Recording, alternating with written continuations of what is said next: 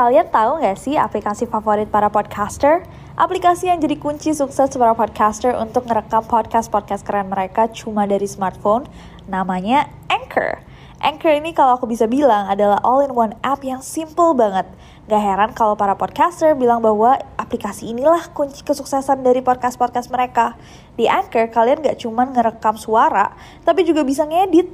Mulai dari rekaman, isi lagu, efek, dan lain-lain. Yang paling aku suka adalah karena Anchor ini super fungsional. Aku bisa langsung upload podcast aku ke Spotify atau platform lain langsung dari Anchor. Kalian bisa download Anchor di smartphone kalian langsung dari App Store, Play Store, atau dari web mereka www.anchor.fm. Trust me, Anchor is your best friend to create stunning podcasts. And you know what? It's totally free. Hey guys, it's Nancy.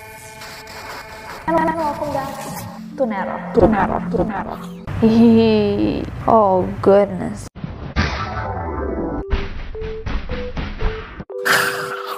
Hey guys, it's Nessie and welcome back to Neror. Dalam setiap kasus pembunuhan, ilmu forensik itu sangat-sangat dibutuhkan untuk menguak identitas korban, apa yang sebenarnya terjadi, dan siapa pelaku dari kejahatan tersebut berdasarkan bukti-bukti yang ditemukan di sekitar TKP atau tempat-tempat terkait. Nah, bukti-bukti tersebut tuh beragam banget guys, bisa berupa tetesan darah, helai rambut, keringat, sidik jari, atau benda yang mungkin digunakan sebagai senjata oleh para pelaku. Nah, tapi ternyata ada kasus-kasus di dunia ini yang tidak bisa di-solve atau tidak bisa dipecahkan bahkan dengan bantuan forensik. Dan kebanyakan dari kasus-kasus yang tidak bisa dipecahkan ini akhirnya menjadi kasus-kasus ngambang yang tidak kunjung menemukan jawaban. Tapi yang malam ini kita akan bahas di Neror adalah kasus-kasus yang cara pemecahannya bisa dibilang unik, creepy, sulit dipercaya bahkan. Karena hari ini kita akan membahas tentang kasus-kasus pembunuhan yang dipecahkan oleh korbannya sendiri. Yap, kasus-kasus yang dipecahkan oleh orang-orang yang sudah tidak ada. So, karena aku udah gak sabar untuk masuk ke materi yang super seru ini. And without any further ado, stop senyum-senyum, cause shit's about to go down. Kita akan mulai video ini dengan kisahnya Frederick Fisher.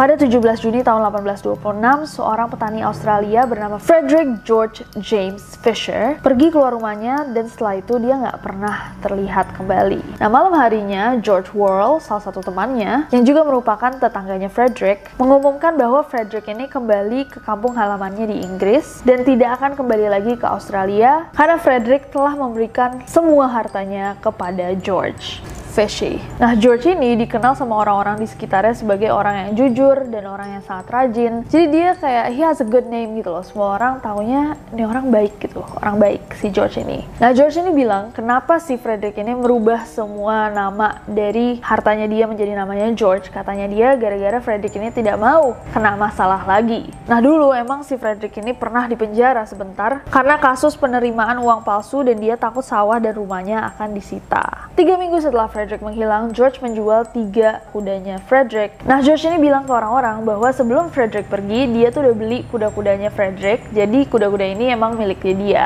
Nah, seminggu setelah itu, dua anak laki-laki itu datang ke polisi dan bilang bahwa mereka ngelihat ada bercak darah di pagernya Frederick. Polisi pun datang dan menggeledah rumahnya Frederick dan menemukan seikat rambut dan juga sebuah gigi yang diduga milik seorang pria berkulit putih yang bertumbuh gemuk. Kemudian, empat bulan setelah Frederick menghilang, seorang warga setempat bernama John Farley berlari ketakutan ke dalam hotel. John bilang bahwa dia baru aja melihat ada hantunya Frederick Fisher sedang duduk di pagar jembatan. Katanya hantu itu tidak bisa bicara sepatah kata pun. Hantu itu cuma menunjukkan jarinya ke arah sisi sungai. Nah awalnya orang-orang yang mendengar cerita ini tuh kayak bingung kan kayak apaan sih nih orang gitu. Kayaknya dia bohong deh. Tapi ada beberapa polisi yang penasaran dan akhirnya mengecek ke arah di mana si hantu katanya nunjuk gitu. Ke arah yang ditunjuk sama si hantu.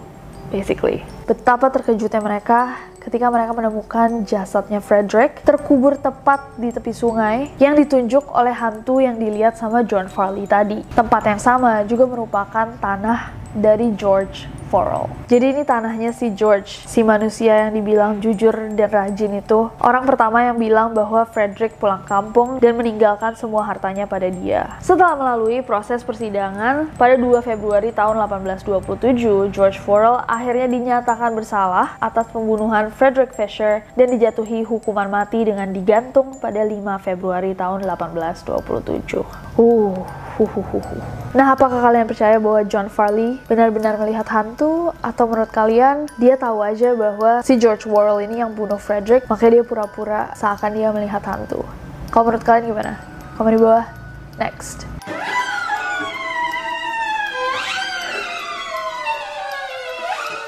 Next ada kasusnya Teresita Basa. Teresita Basa ini adalah seorang wanita asal Filipina yang pada tahun 1960-an pindah ke Amerika Serikat untuk belajar musik. Jadi kayak untuk sekolah musik gitu. Nah, Teresita ini juga kemudian menjadi seorang terapis pernapasan di Edgewater Hospital di Chicago, Illinois. Nah, suatu hari guys, pada tanggal 21 Februari tahun 1977, sekitar pukul 9 malam, Departemen Pemadam Kebakaran di Chicago mendapatkan laporan kebakaran di rumahnya Teresita. Sesampainya di sana, para petugas pemadam kebakaran ini menemukan bahwa rumahnya Teresita ini udah dilalap api. Dan mereka menemukan jasadnya Teresita ada di bawah kasurnya dia tanpa busana, sudah gosong, sudah kayak hangus dengan sebuah pisau daging tertancap di dadanya. Nah, polisi pada saat itu percaya bahwa oh, ini kayaknya dia dilecehkan, abis itu pelakunya membunuh dia dan membakar rumahnya untuk menghilangkan bukti. Tapi yang aneh, dari hasil otopsinya tidak ditemukan tanda-tanda pemerkosaan, seperti tidak ada motif yang jelas atas kasus ini. Para investigator juga tidak menemukan banyak bukti fisik di tempat kejadian, tapi mereka menemukan sebuah memo bertuliskan Get Theater Tickets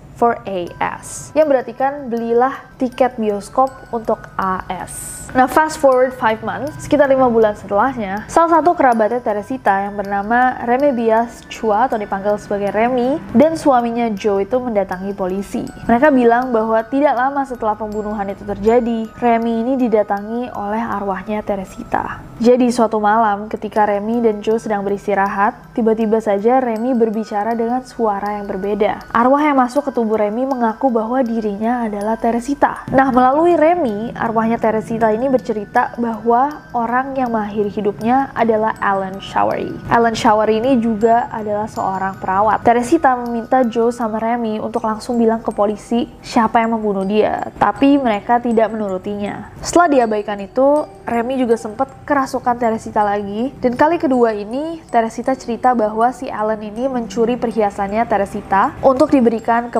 pacarnya. Setelah kedua kalinya itu, akhirnya Remy dan Joe datang ke polisi dan bilang apa yang arwahnya Teresita bilang. Akhirnya setelah diselidiki oleh polisi, ternyata bener Alan itu rumahnya nggak jauh dari rumahnya Teresita. Nah salah seorang rekan kerjanya Teresita lainnya juga mengkonfirmasi bahwa Alan memang berniat untuk ke rumahnya Teresita untuk mereparasi televisinya. Namun menurut pengakuannya Alan, dia kembali lagi ke rumahnya karena tidak memiliki peralatan yang dibutuhkan. Nah polisi yang tidak percaya sama pengakuannya Alan, akhirnya menginvestigasi lebih lanjut dan menanyakan kepada pacarnya Alan apakah dia baru diberikan perhiasan dan ternyata bener dia baru dibeliin perhiasan sama si Allen dan perhiasan yang sama ketika dikonfirmasi sama keluarga Teresita ternyata adalah perhiasannya Teresita. Akhirnya pada tanggal 23 Februari tahun 1973, Alan Showery dinyatakan bersalah dan dijatuhi hukuman penjara selama 14 tahun. Uh, Gimana menurut kalian cerita Teresita ini?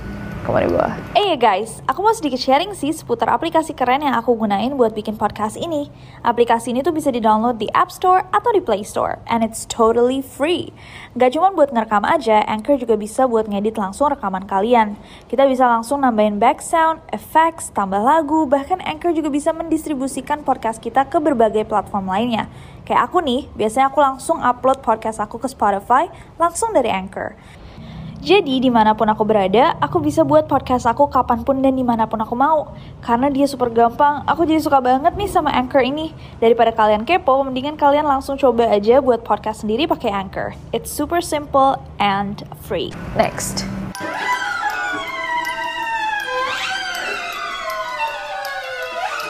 Next ada kasusnya Catherine Ballesteros. Nah, kasus ini juga menarik.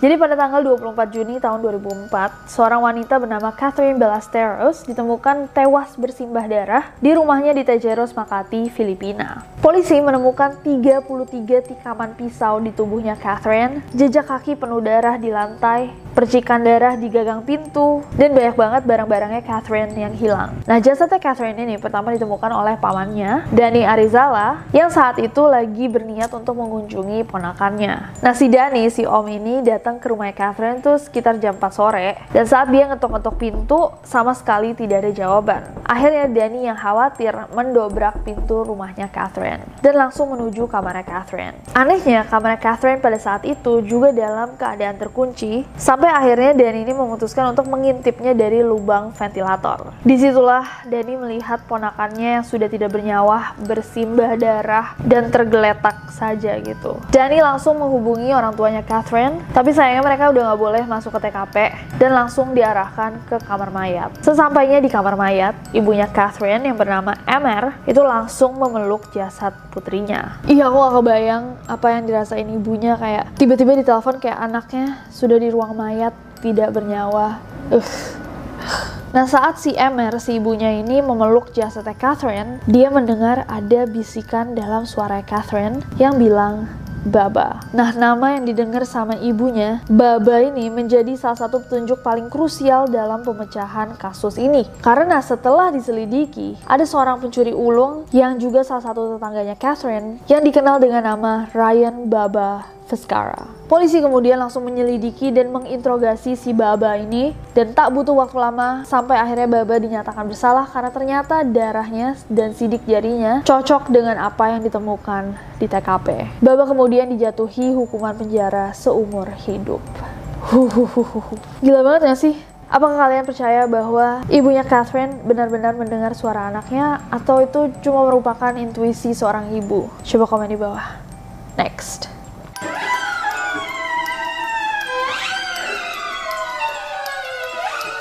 Next ada kasusnya Nadine Hug. Kasus yang satu ini memang berbeda sama kasus-kasus yang kita bahas malam ini karena kasus ini belum sepenuhnya selesai. Tapi sang korban, si Nadine ini dipercaya telah mencoba membantu keluarganya untuk menemukan sang pelaku. So, pada 4 Desember tahun 2009, Nadine Hug yang berumur 33 tahun ditemukan tidak bernyawa di kamar mandinya di Castle Hill Flat, Sydney, Australia. Dugaan awalnya Nadine ini melakukan bunuh diri dengan menyayat pergelangan tangannya sendiri sendiri. Surat bunuh diri dengan tulisan Nadine juga ditemukan di lokasi kejadian. Namun keluarga Nadine sama sekali nggak percaya bahwa Nadine lah yang mengakhiri hidupnya sendiri. Bahkan mereka yakin bahwa Nadine tidak mengakhiri hidupnya dan juga ada foul play yang terjadi. Nah keluarga Nadine itu menaruh curiga pada mantan pacarnya Nadine, Nestore Guizong, karena Nadine sama Nestor ini memang sedang ada konflik perihal hak asuh anak mereka. Nah yang aneh adalah luka di pergelangan tangannya Nadine itu dalam dalam banget sampai hampir mengenai tulang. Nah ini dibilang-bilang tidak mungkin untuk korban bunuh diri, gak mungkin sedalam itu.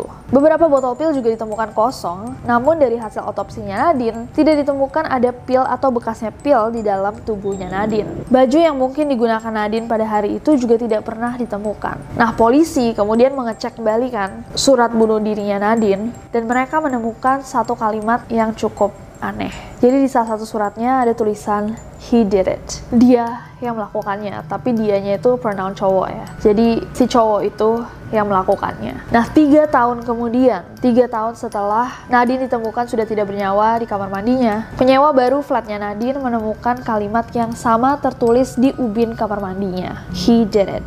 Nestor menyangkal tentang adanya keterkaitan antara dirinya dan kematiannya Nadine, dan teman-temannya, teman-temannya si Nestor ini bilang bahwa Nestor pada saat itu ada di rumahnya yang berjarak 30 km dari flatnya Nadine dan tidak ke mana-mana. Padahal dari catatan atau rekaman teleponnya Nestor, diketahui bahwa dirinya berada di sekitar Castle Hill atau tempat apartemennya Nadine pada saat itu sepanjang hari. Tapi sampai hari ini tidak ditemukan bukti fisik bahwa si Nestor ini emang ada di TKP pada saat Nadine meninggal dunia.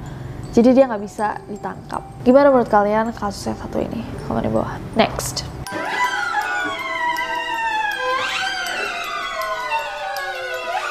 Oke okay guys, dan ini adalah kasus yang terakhir for now. Aku lagi nggak enak badan, but hopefully kita bakal try, kita bakal coba sekuat mungkin agar neror ini naik besok. So, ini yang terakhir, ini kasusnya Ashley Howley. Pada tahun 2005 lalu, seorang gadis bernama Ashley Howley menghilang di Columbus, Ohio, Amerika Serikat. Nah, pada saat itu, Ashley ini dianggap menghilang karena keluarganya sama sekali nggak mendengar kabar tentang Ashley sejak saat dia menghilang. Nah, pada saat itu, polisi itu mencurigai adanya keterlibatan dari mantan pacarnya Ashley yang namanya Robert P. McMichael II, tapi polisi tidak punya cukup bukti untuk menindak dia. Polisi, investigator, anjing pelacak semua udah mencoba nih untuk mencari si Ashley ini di area rumahnya, tapi sama sekali tidak ada bukti yang ditemukan. Alhasil kasusnya juga belum terpecahkan dan pelakunya masih berkeliaran hingga 4 tahun kemudian. Nah pada saat itu akhirnya nggak tahu nih apakah dia hilang, apakah dia lari, ataukah dia diculik, atau dibunuh sampai pada suatu saat seorang paranormal bernama Christy Robinette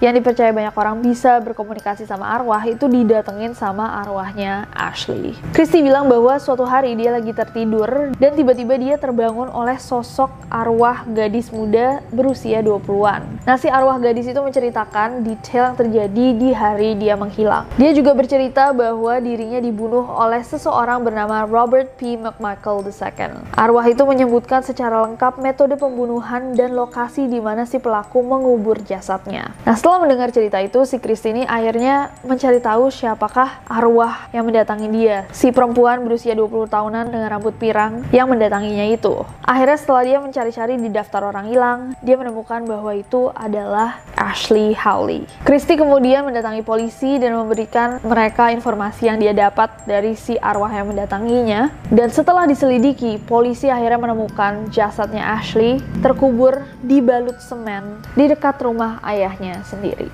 Ternyata setelah diusut-usut, Robert P. McMichael II juga membunuh ibunya sendiri dan kekasih ibunya.